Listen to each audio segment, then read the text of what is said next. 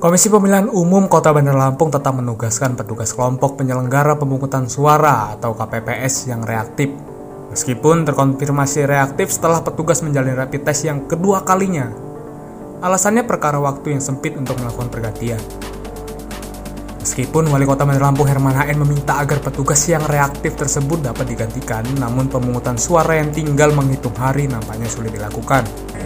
Ya kalau dia reaktif ya nggak boleh ya. Kecuali kalau dia begitu besok dia sehat ya silakan aja. Tapi kalau masih sakit nggak boleh ya. Kan menular lagi yang lain kan itu yang buat rusak nanti ya. Ketua KPU Kota Bandar Lampung Dedi Triadi mengatakan rapid test yang dijalani petugas KPPS hanyalah merupakan upaya screening. Perihal hasilnya yang reaktif telah dilimpahkan kepada Satgas COVID-19 untuk melakukan tracing.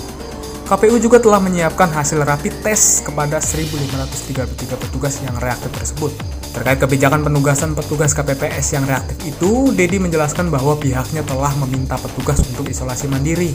Apabila di hari pelaksana kondisi petugas baik, maka akan tetap dilibatkan. Begitu juga sebaliknya.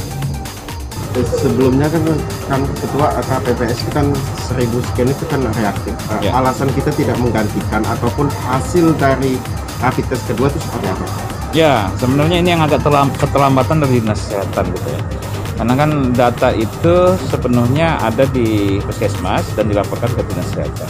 Yang kemarin eh, untuk rapid test pertama itu kan ada eh, 1533. Itu di rapid test kembali di tanggal 3 itu.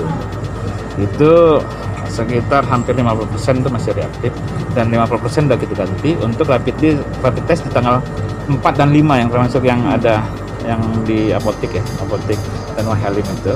Memang untuk rapid test yang ketiga itu hasil rapid testnya karena kita yang fasilitasi ya itu hanya sekitar 10% kebijakan kita terkait dengan teman-teman yang masih reaktif yang yang jumlahnya tidak terlalu besar itu itu adalah hmm, kita minta medical recordnya reaktifnya apakah karena IgM atau IgG dan mereka kita sarankan untuk isolasi mandiri dan dipantau oleh Satgas Covid maupun Puskesmas terkait kondisi kesehatannya.